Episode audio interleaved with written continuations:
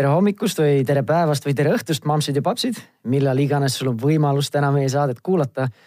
Äh, see on Pere ja Kodu veebiraadio või podcast ja mina olen Tanel Jeppinen.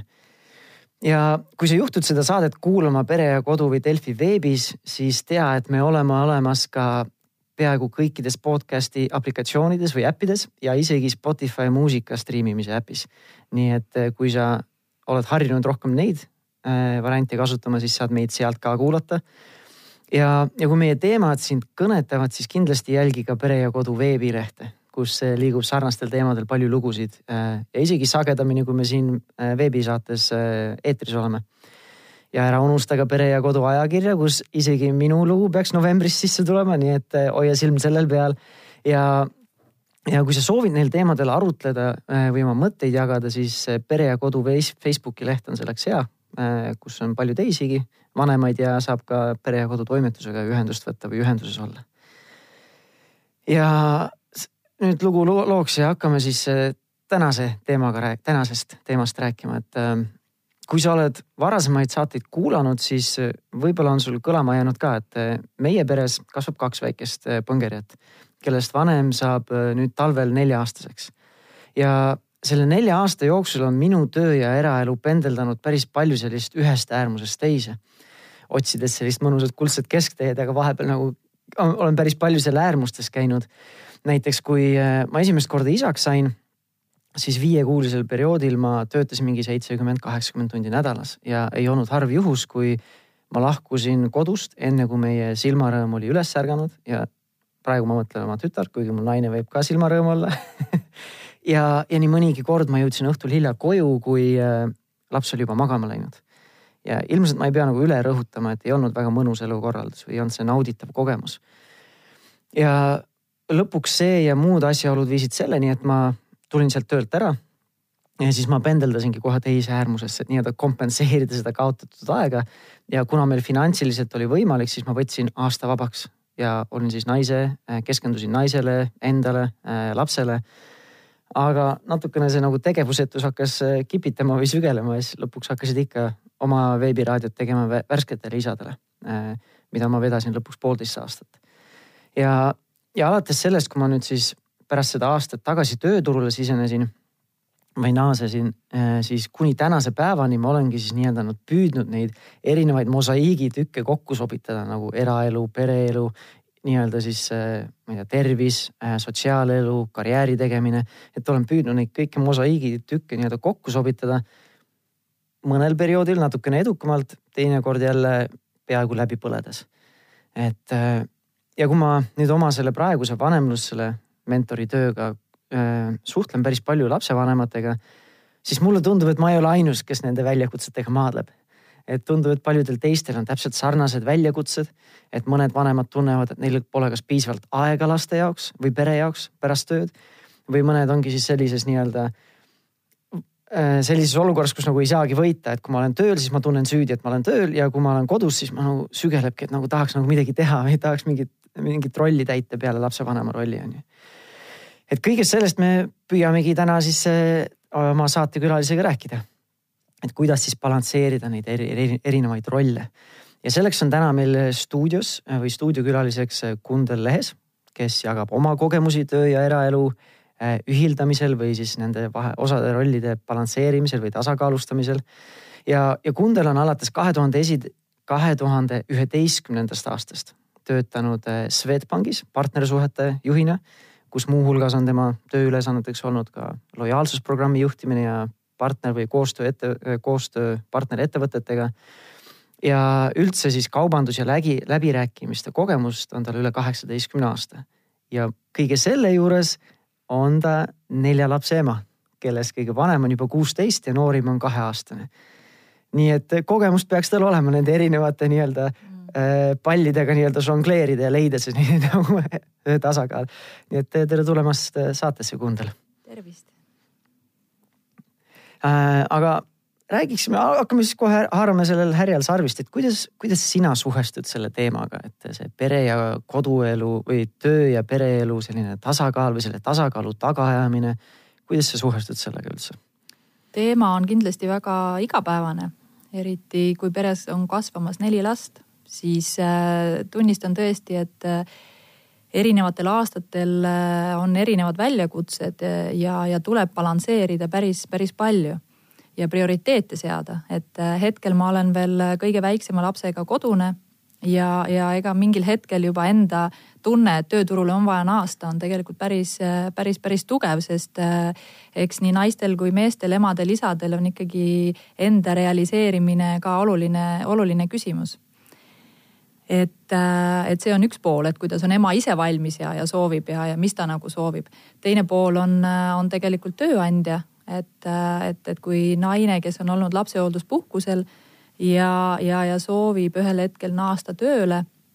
et millised on need äh, võimalused, mida tööandja pakub, et äh, siinkohal äh, saan öelda, et, et Swedbankis iseenesest soovi korral on võimalik osalise ajaga tööle naasta ja, ja, ja lisaks nad pakuvad Tallinnas peamajas ka sõimehoiukohtasid, kellel on, on, on vajadus, mis tegelikult mm -hmm. on suurepärane ja.... ehk siis äh, kõik noored emad Swedbanki kandideerima tööle ja, ja kolmas punkt, äh, mida tahaksin välja tuua, on, on tegelikult äh, riigi ehk siis kohaliku omavalitsuse teema, et, et, et kõikide, kõikide nelja lapse puhul olen kogenud sama, sama küsimust ja seda ka praegu. et tegelikult, kui laps on valmis ja ta on piisavalt vana ja olles lasteaia järjekorras, eh, siis tegelikult tõdeme seda, et, et lasteaiakohti ei ole. et riik on kohustatud nii-öelda lapse kolmeaastaseks saamisel tagama lasteaiakoha. No samas minu laps on hetkel kaheaastane ja, ja ta oleks valmis sotsiaalselt lasteaeda minema. aga kuna kohta ei ole, siis, siis on nagu teema tegelikult väga tõsine Mm -hmm. ja ma arvan, et äh, riik ka üldiselt äh, igapäevaselt ju küsib äh, ja arutab, et äh, Eesti iivet, kuidas mõjutada ja kuidas tõsta. siis ma ise emana, olles neli korda seda läbi teinud, ütlen, et äh, hetkel üks kõige suurem murepunkt ongi see, et, et, äh, et kui vanemahüvitis lõpeb laps võiks juba minna, ta on valmis proovima, eks ole, minna esiti ka osalise ajaga lasteaeda, noh, võib-olla lõunani käia ja, ja proovida harjutada, tulevad nohuperioodid, muud asjad.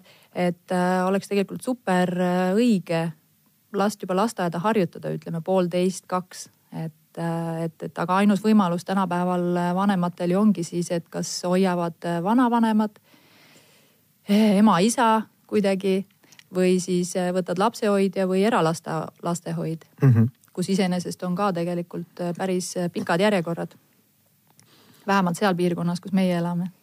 ja no eks me ise selle nelja-aastase lapsevanema kogemuse juures oleme natukene kõiki neid variante kasutanud isegi, et.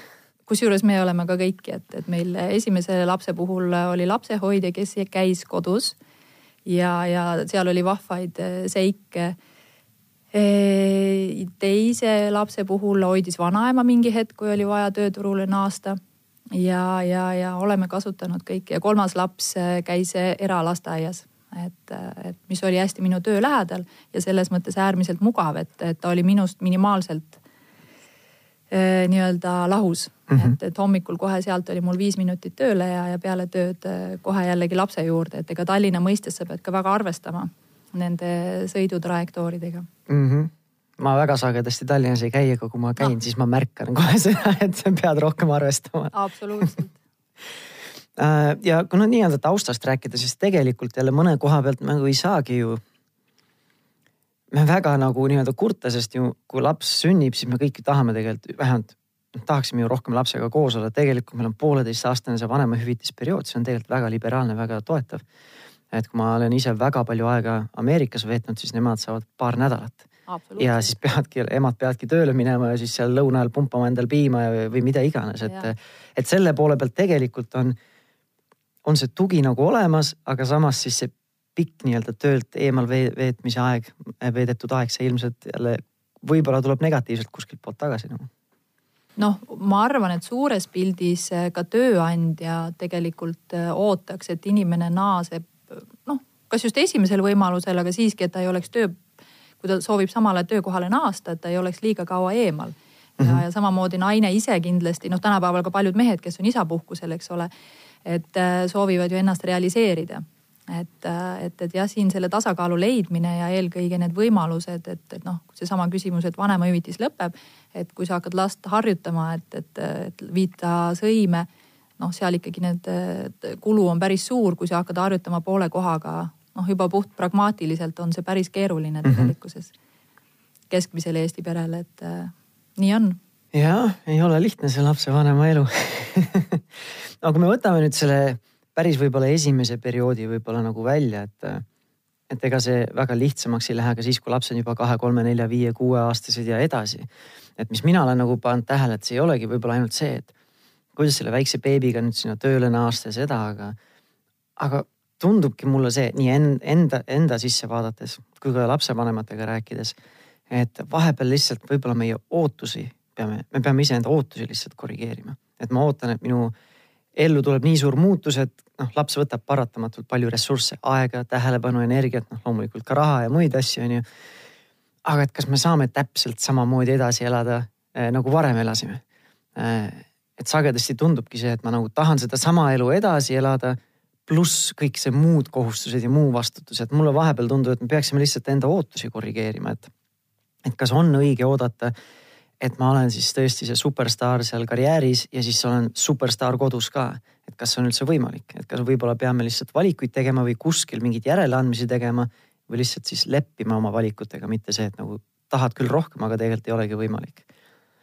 No sa juba küsisid ja vastasid tegelikult päris samaaegselt, et no ma siinkohal saan lisada, et eks elu teeb ka ise korrektuurid, et äh, paratamatult, kui perre sünnib laps ja eriti kui sünnib äh, nii nagu mina mäletan, esimene laps, siis mm -hmm. enda eh, vajadused, ego, noh, sa ikkagi päris kiiresti harjud uue olukorraga ja, ja sa saadki aru, et prioriteet on mujal ja, ja see ongi väga, väga okei okay tegelikult. sest laps on ju kahe inimese soov laps saada ja, ja kui ta siia sünnib, siis paratamatult sa tahadki talle ju pakkuda kõige paremat mm. -hmm. ja su enda prioriteedid, äh, vajadused, on need siis aeg, äh, ajaressurss, raharessurss, äh, mis iganes ressurss. et paratamatult see siis suures osas siiski läheb lapse peale. ja, aga natuke uuriks ka, et mismoodi seal naisel see elu toimub, sest minu naine, me saime võrdlemisi järjest need lapsed ja neil on natuke üle kahe aasta, et tema nagu vahepeal tööle ei naasnud või ei ole naasnud siiamaani nüüd, sest teisega on praegu kodune ja nagu ma alguses sissejuhatuses jagasin, siis mul oli ka selline tunne, et kui ma võtsin nüüd, otsustasin, läksingi sinna teise äärmusse, et ma võtan nüüd aasta aja vabaks, et ma tahan keskenduda oma naisele, kellel olid need sünnitusjärgsed depressiooni sümptomid, oma lapsele, kellest ma olin palju eemal olnud töö, töö suhtes või töö tõttu. Ja et siis läksingi sinna teise äärmusse, et võtangi nii-öelda aasta aega vabaks. aga ei läinud nagu palju mööda, ma ütleks paar kuud, kui juba hakkasin nagu sügelema, et tahaks nagu midagi teha veel et hakkasingi siis oma seda äh, värsketele isadele suunatud veebiraadiot tegema. et äh, on sellised sisemised konfliktid äh, naistel ka tava, tavalised, et nagu, et nagu, et ma ei ole nagu rahul selle olukorraga, et ma tahan nagu midagi veel teha või midagi rohkem teha või midagi, mis iganes. ma arvan, et see on iga naise puhul äärmiselt erinev mm -hmm. individuaalne. et mina oma, oma laste kõrvalt, kolme esimese lapse kõrvalt olen tööle väga kiiresti naasnud ja kuna mu suurem laps on juba kuusteist siis eh, sel ajal ei olnud ka vanemahüvitist, noh, mitte et see nüüd kõige prioriteetsem oleks mm, -hmm. aga mhm. noh, on, nagu tunda ka erinevust. aga en, enda realiseerimise küsimus oli, oli küll päevakorras ja, ja vajadus äh, olla tööturul ja, ja, ja sellega kõik kaasnev, et oli tegelikult väga-väga tähtis. Ja sellepärast meie pere ongi leidnud need erinevad võimalused, et, et kus siis see väike laps on hoitud, kuni ta saab omale lasteaia koha. Et, et nii ta on, et hetkel ma tõesti neljanda lapsega olen, olen veel olnud kodus ja, ja naudingi seda, et, et ega seda igapäevarutiini ei tulegi nii kergelt peale, sest tegevusi on väga palju. ka suuremad lapsed tahavad ju oma tähelepanu ja kui sa juba kodus oled olemas, siis, siis saad sa olla nagu nii logistiku kui kõik need muud rollid, mis, mis pakutakse aga eks see prioriteetide seadmise küsimus on, on alati, alati päevakorral ja, ja saan siinkohal lisada, et, et mida rohkem ette võtad, seda rohkem sa ka paratamatult jõuad. et ega ööpäevas on meil kõigil kakskümmend neli tundi mm. -hmm. Kuskilt aega juurde ei tule, et, et äh, paratamatult äh, mingi hetk äh, võib-olla vähem prioriteetsed asjad jäävad tegemata ja võib-olla neid ei olnudki siis vaja teha mm. -hmm. on sul mõni praktiline selline näpunäide siis ka, et kuidas nii-öelda, kas siis neid prioriteete seada või tegelikult ongi, kuidas nagu ise aru saada, mis päriselt nagu minu prioriteedid on, mitte see, mis ühiskond ütleb mm -hmm. või siis mhm. tööandja ütleb või sõbrannad või mis iganes. et kuidas nagu ise siis leida, mis minu jaoks siis tähtis on, kuhu ma praegu võiksin või rohkem või peaksin rohkem panustama noh, eks peabki endaga dialoogi pidama ja, ja kindlasti hästi oluline on siinkohal ka abikaasaga arutada.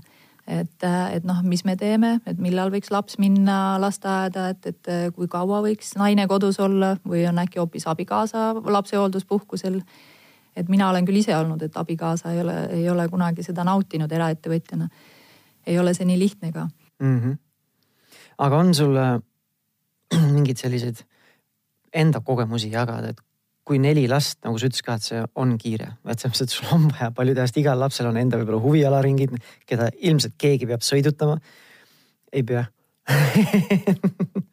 äh, et ikkagi igalühel on nagu omad huvid, omad asjad, omad tegevused. et äh, minul vahepeal tundub, et selle kahe lapsega on juba selline natukene üle pea need asjad ja ma töötan kodukontorist nagu et, et kuidas need kõik need nii-öelda nagu me alguses rääkisime metafooriliselt, kuidas need mosaiigitükid sina oled kokku pannud, kuidas sa nagu jagad oma seda aega ja energiat, et, et sa ise tunned, et sa ei põle läbi nagu, et sa ei põleta mitmest otsast seda küünalt. et sa ise suudad nagu mõistuse juures olla, aga ka need erinevad asjad ära teha, et on sul mingid, mingid harjumused või mingid rituaalid või rutiinid või, või lihtsalt mingid asjad juba paika loksunud, mis töötavad? no nagu klassikud väidavad, eelkõige tuleb leida aega ka iseenda jaoks et, et mina käin kolm korda nädalas trennis, väga -hmm. lihtne näide ja, ja minu jaoks on see täiesti, see on küll, küll aktiivne treening, aga, aga ma tunnen, et see on minu jaoks täiesti meditatiivne tegevus. ja, ja kuna see on, eks ole, kellaaja peale, siis äh, alati on keegi kodus ja, ja, ja ma lähen trenni ja siis on väike laps hoitud. ja, ja see on tõesti äärmiselt lõõgastav kuigi kui, kui ma alustasin seal käimist, siis loomulikult oli süümepiin suur, et, et, et noh, kes nüüd väiksega tegeleb, kas kõik on korras ja nii edasi ja nii edasi. aga paratamatult see aja iseendale võtmine, et, et sel ajal sa jõuad ka mõelda, et, et mida teha, kuidas teha ja mis on siis kõige olulisemad äh, asjad, aga ennast laadida kindlasti on teema number üks. lihtne öelda, teoorias kõik me teame, aga tegelikult seda realiseerida ei olegi nii lihtne mm. -hmm oled sa alati nii-öelda siis trennis käia olnud või sa ise vahepeal ei. tundsid, et mul oleks nagu vaja mingit füüsilist tegevust, et ennast kas nii-öelda tühjaks laadida või hoopis oma akusid laadida või kuidas see tuli? ei, no ma ei ole väga aktiivne olnud mm, -hmm. aga, aga praegu ka olles lapsega kodus, siis tegelikult seda aega justkui on rohkem, et äh, kui ma käiksin praegu täisajaga tööl, siis ma tõenäoliselt äh, nädala tööpäeviti õhtul kell kuus trenni ei jõuaks, ma arvan mm -hmm. reaalselt, et äh, siis tuleb leida mingid muud ajad, eks ole, näitlikult, aga, aga hetkel siis on just ülejäänud pere keegi kodus ja, ja on see võimalus ja siis tuleb tööandjale lihtsalt idee ära müüa, et teeme nüüd lisaks sõimele teeme ka jõusaali sinna, et lõuna ajal käia. aga see on olemas mm. -hmm, ja see on Swedbankil olemas ja, ja meil on isegi, kui ma tööl olin, olid reedeti treeningajad kui ma nüüd õieti mäletan, kolmest või neljast ehk et osaliselt läksid tööaja sisse ja see oligi väga okei okay ja kell viis oli sul tööpäev läbi ja trenn tehtud mm. -hmm. väga vahva. aga räägime natukene sellest nagu sa, mis sa välja juba tõid, selle iseenda vajaduste prioritiseerimisest või esikohale panemisest. nagu sa ütlesid, tuleb endale aega võtta, millega ma sajaprotsendiliselt nõustun, et, et ongi, kui mul need nõudmised minu ressurssidele, minu tähelepanule, minu energiale on suured siis seda enam on olulisem see, et ma hoolitsen nende ressurssidest, et ma hoolitsen iseenda eest. mis nagu sa ütlesid ka, et on teoorias või intellektuaalselt, ma arvan, et enamus me teame seda. aga kui me vaatame nagu, mis me tegelikult igapäevaselt teeme, iganädalaselt teeme, siis see mhm. tavaliselt ikka kipub olema viimane asi, et kui mul meeles on või kui mul aega on ja. või kui mul energiat on oskad sa nagu seda siis äh, nagu adresseerida, et kui see lapsevanem, kes kuulab, olgu ta ema või isa kellel on nii-öelda selline nagu väljakutse, et ta nagu teab küll seda, aga tegelikult see praktikasse ei jõua, et. et kas nagu kuidas seda teha või siis miks seda teha või mis sa oled tundnud, et kui sa nüüd võtad iseendale aega, et kuidas see sul sind aidanud on või? ma vastaksin hoopis teistpidi, et, et mul oli üks päris drastiline kogemus e oli, oli nii, et abikaasa soovis maale minna ja ma olin, mul olid mingid muud tegevused ja, ja siis ta oli valmis pojaga koos minema ja, ja, ja, ja ta läkski nagu nii-öelda minust kaugemale ja ma olin tegelikult esimene pool päeva, ma olin täiesti halvatud.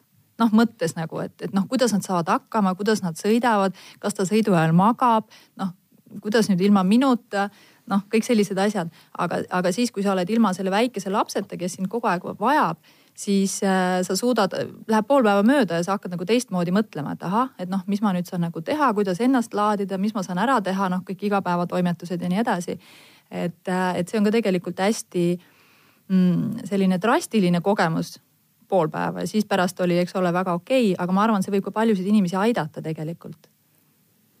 et noh, isa võib võtta ka seda mhm. rolli, et olla nagu lapsega, ütleme veidikene eemal, ema saab ennast laadida ja teha need muud tegevused nagu ära ja, ja see ei, noh, see võiks olla siis tõesti, ütleme selline vähemalt öö nagu ära jah, ma ise ei ütle, mitte isa võiks, isa peakski nii või teisiti tegema, et ta ei ole nagu mingi lapsehoidja, kes vahepeal aitab, ema, et ta lihtsalt on täieõiguslik vanem, et ta võikski ja peakski neid asju tegema. aga siin on just see küsimus, et kui ema on igapäevaselt selles rattas kakskümmend neli tundi nagu noh, mhm. lapse kõrval.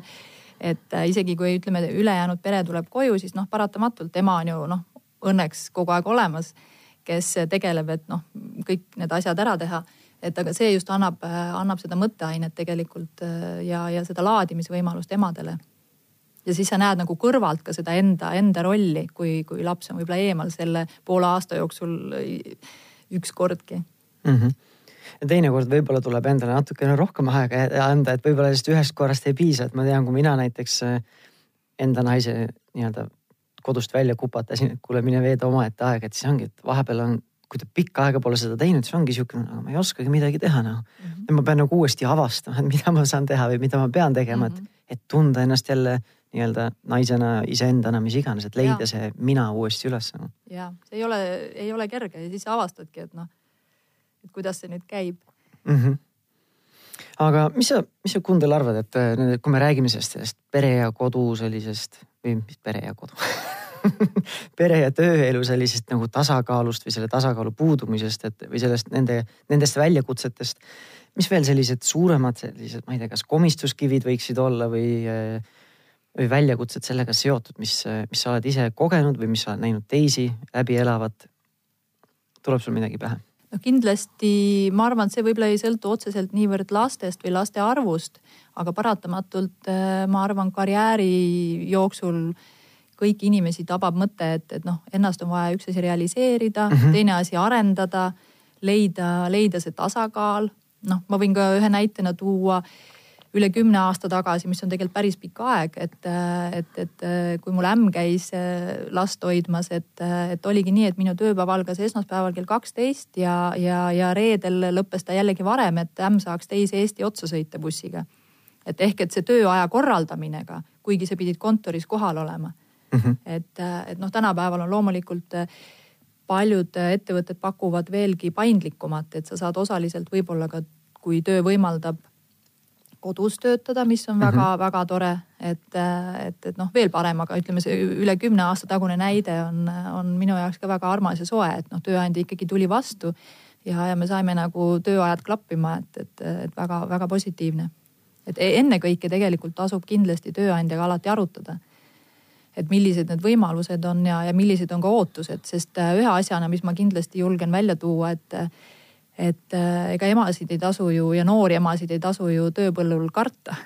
sest mm -hmm. pigem see, et, et sa oled lapsevanem, see lisab sulle juurde empaatilisust ja, ja, ja ka juhina oled sa kindlasti tunduvalt mõistlikum ja, ja, ja positiivsem. sest paratamatult hmm. pereelu puudutab meid ju enamus kõiki, et kes on ema, kes on isa või tädi-onu või vähemalt kellegi laps, et, et noh, sul see tunnetus on sul ju tegelikult olemas ja, ja, ja väärtustamine seetõttu ka mm. -hmm. Ma tahaks korra tagasi tulla selle juurde, mis, mis sa just selle küsimuse või selle vastuse alguses mainisid, et äh, sina oled karjääriinimene. Swedbankis töötanud äh, kõrgetel kohtadel varem, varem ja nii edasi. mina olen just selles positsioonis, kus ma nagu väga sügavalt kahtlen nii-öelda karjääri tegemises, ma tahaks nagu midagi ise teha, et ma saaksin, mul oleks rohkem paindlikkust, et ma saan selle tööelu panna just oma pereelu vajaduste ümber. et äh, mis sa arvad nagu kust, mis sina arvad, kust tuleb selline äh,, selline ülim selline soov või vajadus ennast kehtestada või ennast teostada karjääri poole pealt, et kas see on pigem selline võib-olla tänapäeva ühiskonna surve või kas me tõesti nüüd tuleb nagu kõigil on mingi nii ürgne surve seest, et ma pean teostama ennast karjäärist. et mul vahel lihtsalt tundubki, et me elame nagu karjäärile. aga siis nagu unustamegi ülejäänud asjad ära, mis seal ümber on, mis tegelikult, kui ma paberi peale kirjutan, mis number üks on, siis ma tavaliselt panen ikka kas minu pere või minu lapsed või naine või mis mhm. iganes. aga ongi jälle, kui me vaatame, mis tegelikult toimub, siis tegelikult on see kuskil tagaotsas nagu, mis tähelepanu äh, nii-öelda aega ja aega ja energiat saab no üks on kindlasti ühiskonna tagasihoidlik surve. ja, ja, ja teine pool on kindlasti enda, enda vajadus siiski teostada.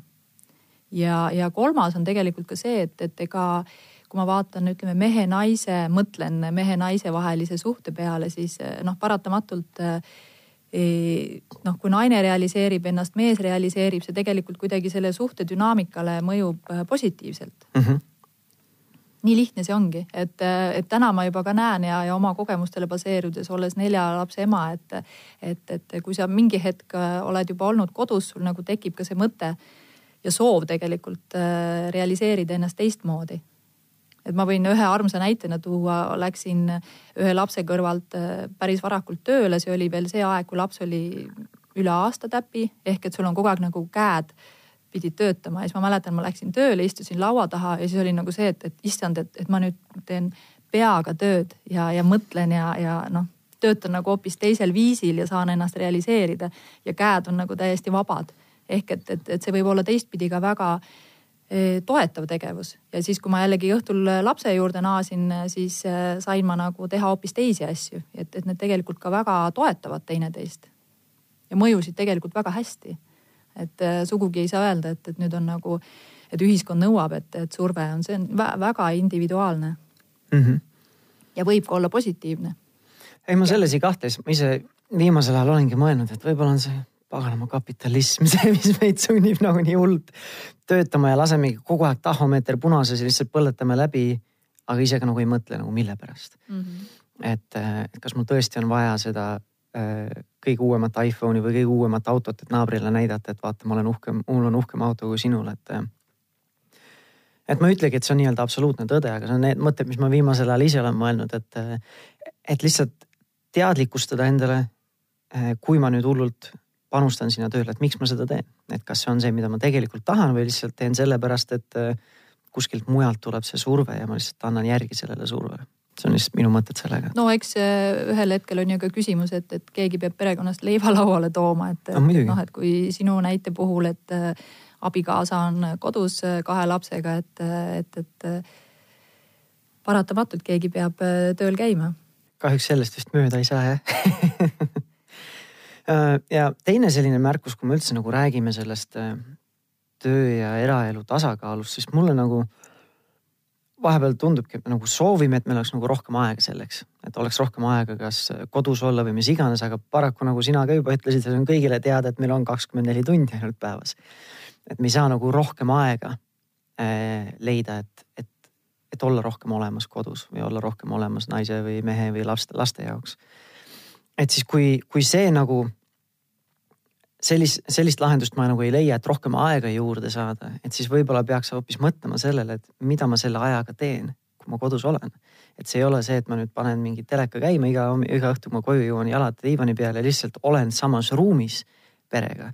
aga seda tegelikult seda nagu sisu või seda kvaliteeti sellel koos veedetud mm. ajal ei ole. et me lihtsalt oleme, eksisteerime paralleelselt. et ma ise nagu leian, et võib-olla ongi just see, millele me keskenduma siis peaksime, kui me nagu rohkem aega juurde ei leia, et kuidas me selle aja kvaliteeti saame tõsta, kui me oleme kodus, kui me veedame seda aega koos lähedastega. et äh, oled sa ise nagu teadlikult näiteks enda peres mingid, kas reeglid, piirid paika pannud või mingid rutiinid või rituaalid teinud, et kuidas siis seda koos aega veeta niimoodi, et see läheks nagu asja ette, et me tõesti tunneme, et me olemegi koos nagu pere no ideaalses äh, päevas on, on lihtsad tegevused, kindlasti ühine õhtusöök, mis mhm. küll alati ei õnnestu et, et keegi jõuab hiljem, keegi varem ja nii edasi. ja, ja teine asi on ühised tegevused, et, et, et meie pere iseenesest armastab ujumas käia.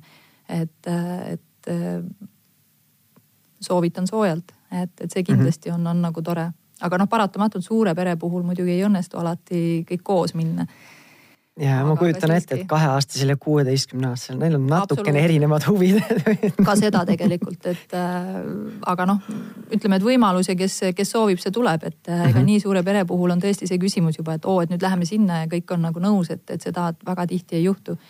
aga siis me oleme küll demokraatlikel alustel arutanud, et mida võiks teha ja, ja vahest teeme siis äh, neid asju ja vahest teisi asju, et, et noh, nii-öelda jagame neid prioriteete või nii-öelda eelistusi et, et, et kõikide Meelis asju saaks, saaks nagu koos teha mm. -hmm. see on muidugi vahva mõte või noh, vahva idee ongi see, et, et alati ei tee seda, mida mina lapsevanemana ütlen, nüüd lähme sinna, nüüd teeme seda, nüüd teeme koos ja nüüd, kui me lähme sinna, siis me kõik oleme koos ja kallistame ja oleme mm, -hmm. hoiame käest kinni ja laulame, mis iganes, et et vahepeal võikski teha asju, mis võib-olla endal on ka mugavustsoonist väljas, aga näiteks lapsele väga hingelähedane tegevus, et siis see juba loob neid sidemeid ja tugevdab neid sidemeid, et ei ole ainult see, mis keegi teine ütleb. ja eks laps ise ka näeb ju seda, et see läheb mugavustsoonist välja, aga et proovid, testid ennast, aga samas nagu teed ka seda sellepärast, et temaga koos aega veeta mm. -hmm. ja ma tean, et selleks me nagu ette nagu pole sind valmistanud küsimust, aga ma natuke tahaks nagu rääkida sellest pikemalt isegi, et, et kuidas siis mida teha, et, et oleks tähelepanu kodus, kui ma olen kodus ja et oleks tähelepanu tööl, kui ma olen tööl, et ei ole see, et ma olen tööl, aga kogu aeg mõte on kuskil kodus. Või kui ma olen kodus, siis ikka nagu tänapäeval ongi kogu aeg mobiil piiksub mingite töö emailidega, sõnumitega, siis tuleb mingid muud asjad, siis tuleb mingi Facebooki mingi see märguanne, siis vaatad sinna ja järsku vaatad, vaatad üles, oledki pool tundi lihtsalt ära kulutanud tühja nagu. et mida siis nagu teha, et, et olla keskendunud sellele hetkele, kus sa oled on sul mingeid mõtteid selle koha pealt? no pool võitu on juba käes, kui sa sellele mõtled mm. -hmm. ehk et, et, et püüad mõtestada, et, et kui ma olen tööl, siis ma olen tööl ja kui ma olen kodus, siis ma olen kodus. et, et, et see mõtestamine ongi tegelikult, ma arvan, võtmesõna siinkohal. et nagu seada endale ootuse, nüüd kui ma olen tööl, siis see ongi see aeg, kui ma keskendungi tööle. ja Nii absoluutselt mm. -hmm. kuigi siin noh tööandjatest rääkides veel, et ega on ka oluline märksõna, et, et tööandja toetab, ütleme tööajast ka olulisi peretegevusi mm. -hmm. et äh, kellel on näiteks arstivisiit või, või, või mingid muud asjad, et, et need on tänapäeval minu meelest juba väga noh, okei okay,, et see ongi oluline elu osa ja, ja mm, -hmm. ja käiakse täpselt siis, kui vaja on ja arstivisiiti vist õhtul kell üheksa teha ei saa, vähemalt Tartus ei saa, võib-olla Tallinnas saab. Tallinnas mitte aga noh, näitlikustades, et noh, on see mm -hmm. siis mingi lasteaiapidu või, või koolipidu või, või arstivisiit, et, et noh, et kõik on vaja eluliselt kahekümne nelja tunni sees ära teha ja, ja see kellaajad on nii, nagu nad on mm. -hmm. huvi pärast, kuna sina, sina oled seda pereelu oluliselt kauem elanud kui mina, me oleme siis neli aastat nii-öelda selles rollis olnud, aga on teil näiteks, me nüüd viimasel ajal oleme ise hakanud mõtlema, et äh, kas ja mida me peaksime või võiksime teha, et näiteks tehnoloogiale panna mingid piirid ja reeglid kodus paika, et olete te sellest rääkinud, on teil midagi paigas? sest ma ise tunnen, et see just ongi see mul see piiksuv telefon, see väike asi on taskus või kuskil käe otsas, siis see nagu nii sagedasti ja väga nagu tugevalt nagu tõmbabki seda tähelepanu, et äh, piiks käib siis nagu ise nagu, isegi kui mul see telefon seal laua peal, siis ma mõtlen selle, kes see võib olla või mis see võib olla, kas see on tähtis. et see nagu ma tunnen, et see röövib väga palju seda tähelepanu Äh, ja seda koos olema, just sellest koosolemise ajast. Et on teil mingid piirid või on sul endal mingid mõtted või äh, asjad, mis on töötanud? no meil piire ei ole, aga suuremate lastega mingi hetk ma tundsin täiesti vajadust neid kehtestada, aga mulle tundus, et me olime vanust silmas pidades kuidagi sellega hiljaks jäänud ehk et noh, lapsed olid harjunud, et neil on mm -hmm. telefon, nad võisid seda igal ajal vaadata, kellelegi helistada, muusikat kuulata, mingeid äh, filmi, filme vaadata et äh, noh, teistpidi, kui see on vähegi mõistlikus koguses, siis ta võib olla ju arendav -hmm.. noh, suures plaanis, eks ole, ja, ja eks see suhtlus ongi, ongi te, teistmoodi, et pigem ma olen äh, või perega tervikuna me oleme püüdnud äh, igati toetada noh, lastega teistsugust sotsiaalset suhtlemist. et kes tuleb kellele ööseks, kes tuleb külla, kes läheb kellega kinno. et, et seda nagu väga toetada ja ma näen, et, et kui lapsed on kellelgi külas või koos, siis nad noh, väga sinna nutividinasse ei, ei kipu ennast ära kaotama mm. -hmm. et Ehk, julgustate siis näost näkku suhtlust jah, jah, pigem, et, et noh, et, et, et kas sa on... tahad kedagi külla kutsuda või, või, või ise kellelegi külla minna, et, et noh, et seda nagu toetada. mis on naljakas nagu eelmised põlvkonnad nagu ma ilmselt, ilmselt nagu seda ette ei näinud, et me peame julgustama, et sa peaksid nüüd suhtlema sõpradega niimoodi silmast silma, mitte läbi no, mingi ekraani. samas minu kogemus, kui mina olin väike, siis noh, teistel külas käimine ja ööseks jäämine ei olnud väga, väga laialt levinud mm. -hmm et, et, et selles mõttes tänapäeval ma vaatan, et pigem lapsed suhtlevad omavahel rohkem, mis on mm -hmm. igati positiivne tegelikult. jah, eks see, eks tehnoloogia ei ole nagu mingi selline kuri kurat nagu, mis on ainult nii-öelda negatiivseid asju. tänapäeval võin ka näitena tuua, noh, nutitehnikat kasutatakse ka koolitükkide tegemisel päris mhm. palju ja mis on nagu imepärane, et, et on vaja teha mingi äh, pisikene uurimustöö mingis teemas ja see tehakse mitme lapse peale ja, ja ta on nagu online, et, et üks teeb ära oma rea, teine mm -hmm. vaatab üle, korrigeerib, keegi ei pea kellelegi midagi saatma, vaid noh, kõik toimub nagu nii-öelda kuidagi väga mõistlikult ja, ja samal ajal ma näen, et see tegelikult on väga arendav, mitte see, et ma loen nüüd noh, mingi peatüki läbi ja, ja siis oskan vastata küsimustele, vaid noh, see uurim-, uurimus ja, ja mitme peale kokku, kokku kirjutamine, see koostöö, see tegelikult arendab noh, väga hästi. no kindlasti valmistabki ette, sest ilmselt nagu see töökorraldus läheb ka sinna suunda, et ei ole alati kõik ühes ruumis, nagu isegi tänapäeval Eestis on ettevõtteid, kus kontorid on igal pool üle maailma laiali peame tegema koos nii-öelda virtuaalselt seda koostööd mm. -hmm. et selles ma nagu ei kahtle ja ma arvangi, et nagu tehnoloogia iseenesest nagu ei ole halb asi, vaid pigem ongi see, et kas me oskame seda kasutada hästi ja et see tehnoloogia nagu ei võta ise võimust meie üle, et ma ise tunnengi, et vahepeal nagu kerge nagu sõltuvus on sellest nutiseadmest, et ongi, kui ta piiksub, et siis nagu tahad sellele tähelepanu pöörata ja ma, kui ma küsisin, siis ma võib-olla meie lapsed ei ole nii palju, nii võib-olla selles vanuses veel, et me neile peaksime tugevalt neid piire seadma. nelja-aastane hakkab sinna jõudma juba, ta nagu küsib kogu aeg oma seda iPad'i, et multikat vaadata. sest meil kodus telekat ei ole, see on ainuke koht, kus ta saab nagu multikaid vaadata.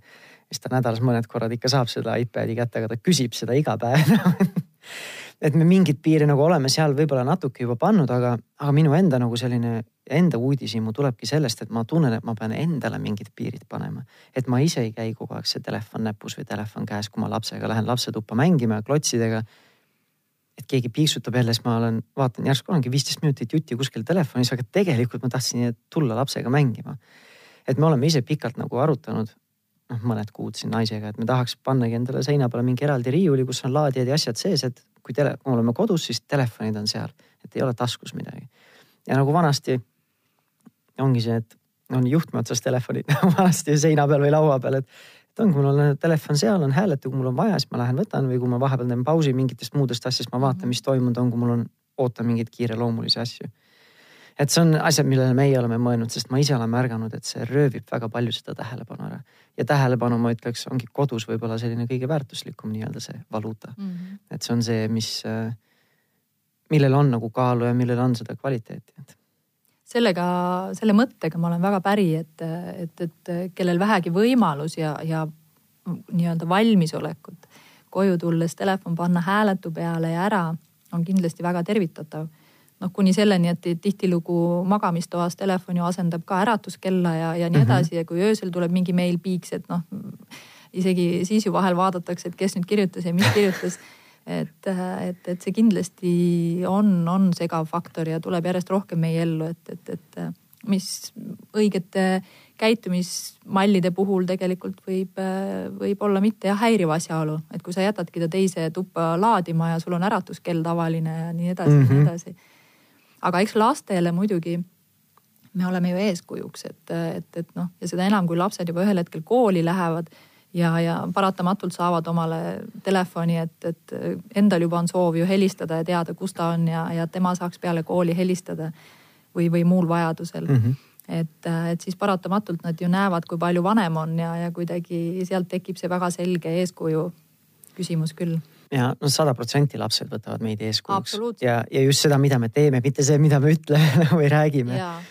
et selle juures ongi, ma näen, et meie pooleteistaastane, kes no ma ei usu, et ta saab aru, mis see telefon on ja mis seal teha saab ja mis iganes, mis Facebook on või mis iganes nagu. et nii kui telefon on kuskil diivanilaual, siis noh, tema näeb, et meil on see kogu aeg käes või sagedasti käes, ta nagu võtab ka selle kätte ja käib sellega ringi ja vaatab, et sest ta ju siis see on väga atraktiivne, sest vanematele see on atraktiivne asi, järelikult on mulle ka siis see tähtis või, või huvitav või mis iganes. et sellised äh, sellised mõttekäigud, et. no ma võin siin öelda, et, et minu kõige noorem laps täiesti kahjuks küll vabalt, nii kui ta telefoni leiab, leiab sealt kohe Youtube'i ja, ja omale vajalikud asjad et, et see on noh, nende jaoks nii lihtne ja loogiline teistpidi, et kui ta juba saab sealt password'ist mööda, et ja, ja mõne isiku password'i ta teab juba, noh, oskab juba panna neid mm -hmm. numbreid, eks ju. ja leiab ka vabalt Youtube'i, mille ma küll püüdsin ära peita usinalt, aga noh, kus sa sellega. ja mul tunne, et eh, need lihtsalt, need nutiseadmed ongi nii intuitiivseks teinud, et lihtsalt see on nagu nii loomi, loomulik või loogiline, et kui nad juba näevad, et siis noh no, ilmselt mõni, nii mõnigi teine on näinud Youtube'is mingeid videosid, kuidas siis väike kaheaastane võtab paberajakirja ette ja siis proovib nii-öelda zoom ida sisse piltidesse või näpuga nii-öelda, näpuga suhelda selle ajakirjaga, mis nagu ei toimi, aga. no mul oli laps no, püüdis koduarvutit äh,, läks ekraani juurde ja siis noh, näppudega püüdis mm -hmm. nagu ekraanil ja siis ta ei saanud aru, et miks midagi ei muutu. et noh, iPadis harjunud, et sõrmedega kõik käib, et, et lapsed on selles mõttes ühtepidi äärmiselt loogilised. jah äh, aeg on juba sealmaal ka, et me peame hakkama otsi kokku tõmbama. Äh, on sul mingid viimased mõtte või tarkuseterad, mille, mida sa tahad siis, äh, millega sa tahad siis lõpetada või, või siis nendele lapsevanematele südamele panna või meelde tuletada või rõhutada? no esimese asjana ma arvan, et äh, oluline on rõhutada, et me tegelikult ise oleme eeskujuks, on see siis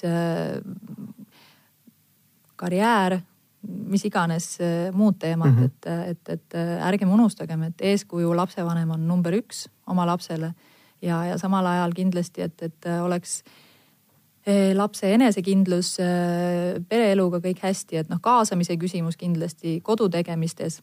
mitte, et ma nüüd saaksin ennast eeskujuks tuua, aga, aga igapäevaselt tegelikult, et laps harjuks äh, olema igapäevategevuste keskel ja, ja, ja toimetama, et, et võin oma kaheaastase väga ilusaks näiteks tuua, et, et ta mängib ja, ja täiesti koristab enda järel ka ära. Ja, ja kui ma ütlen, et, et noh, et me saaks õue minna, aga paneme mänguasjad ära, et siis ta täiesti usutleb ja räägib, et, et noh, et kes ajas toa sassi ja asjad on laiali ja, ja hakkab nagu ära panema, et, et, et, et see on tegelikult väga lihtne näide, aga väga oluline, et igapäevategevustes olla eeskujuks ja lapsi kaasata. et, et see lihtsustab äh, meie kõigi elu tegelikult mm. -hmm tõsi ta on et need kaks punkti ma paneks küll jah kõigile südamele ja see puudutab tegelikult väga lihtsalt ka noh, tööelu näidet samas. et kui me oleme ise eeskujuks ja, ja, ja mm, paratamatult äh, siis äh, ka lapsed tegelikult õpivad ja järeldavad sellest väga palju nii on, nii et sellised äh, mõttekäigud siis täna, rääkisime alguses äh, kuidas omavalitsus saab toetada seda ja lõpuks jõudsime siis tehnoloogiani välja, et kuidas siis sinna, kas ja kuidas neid piire seada. aga ma tahan sind tänada, Kundel, et sa tulid. aitäh kutsumast. ja jagasid oma mõtteid, sest nagu ma alguses ütlesin ka, et, need nagu väljakutsed on nagu paljudel vanematel meelel, et ja ma ei ütlegi, et me nüüd täna absoluutse tõeni jõudsime, aga vähemalt võib-olla alustasime mingit mõttekäiku, mis siis pered saavad ise omakeskis kodus edasi arendada. või siis väike häbitu enesereklaam ka, et võite tulla ka siis minu Facebooki gruppi Positiivne ja rahumeelne vanemlus, kus me saame ka nendel teemadel rääkida, et eh, mitte ainult väljaspool, mitte ainult kodu sees ei saa neid asju edasi arutada, neid teemasid. Nii et kui sa oled Facebookis ja see tundub nagu huvitav asi, siis kindlasti ühine ka selle Facebooki grupiga, positiivne ja rahumeelne vanemlus. vot, aga veel kord aitäh sulle, Kundel ja kuulajale ka. kuulame siin, kohtume sinuga siis juba järgmisel nädalal. nägemist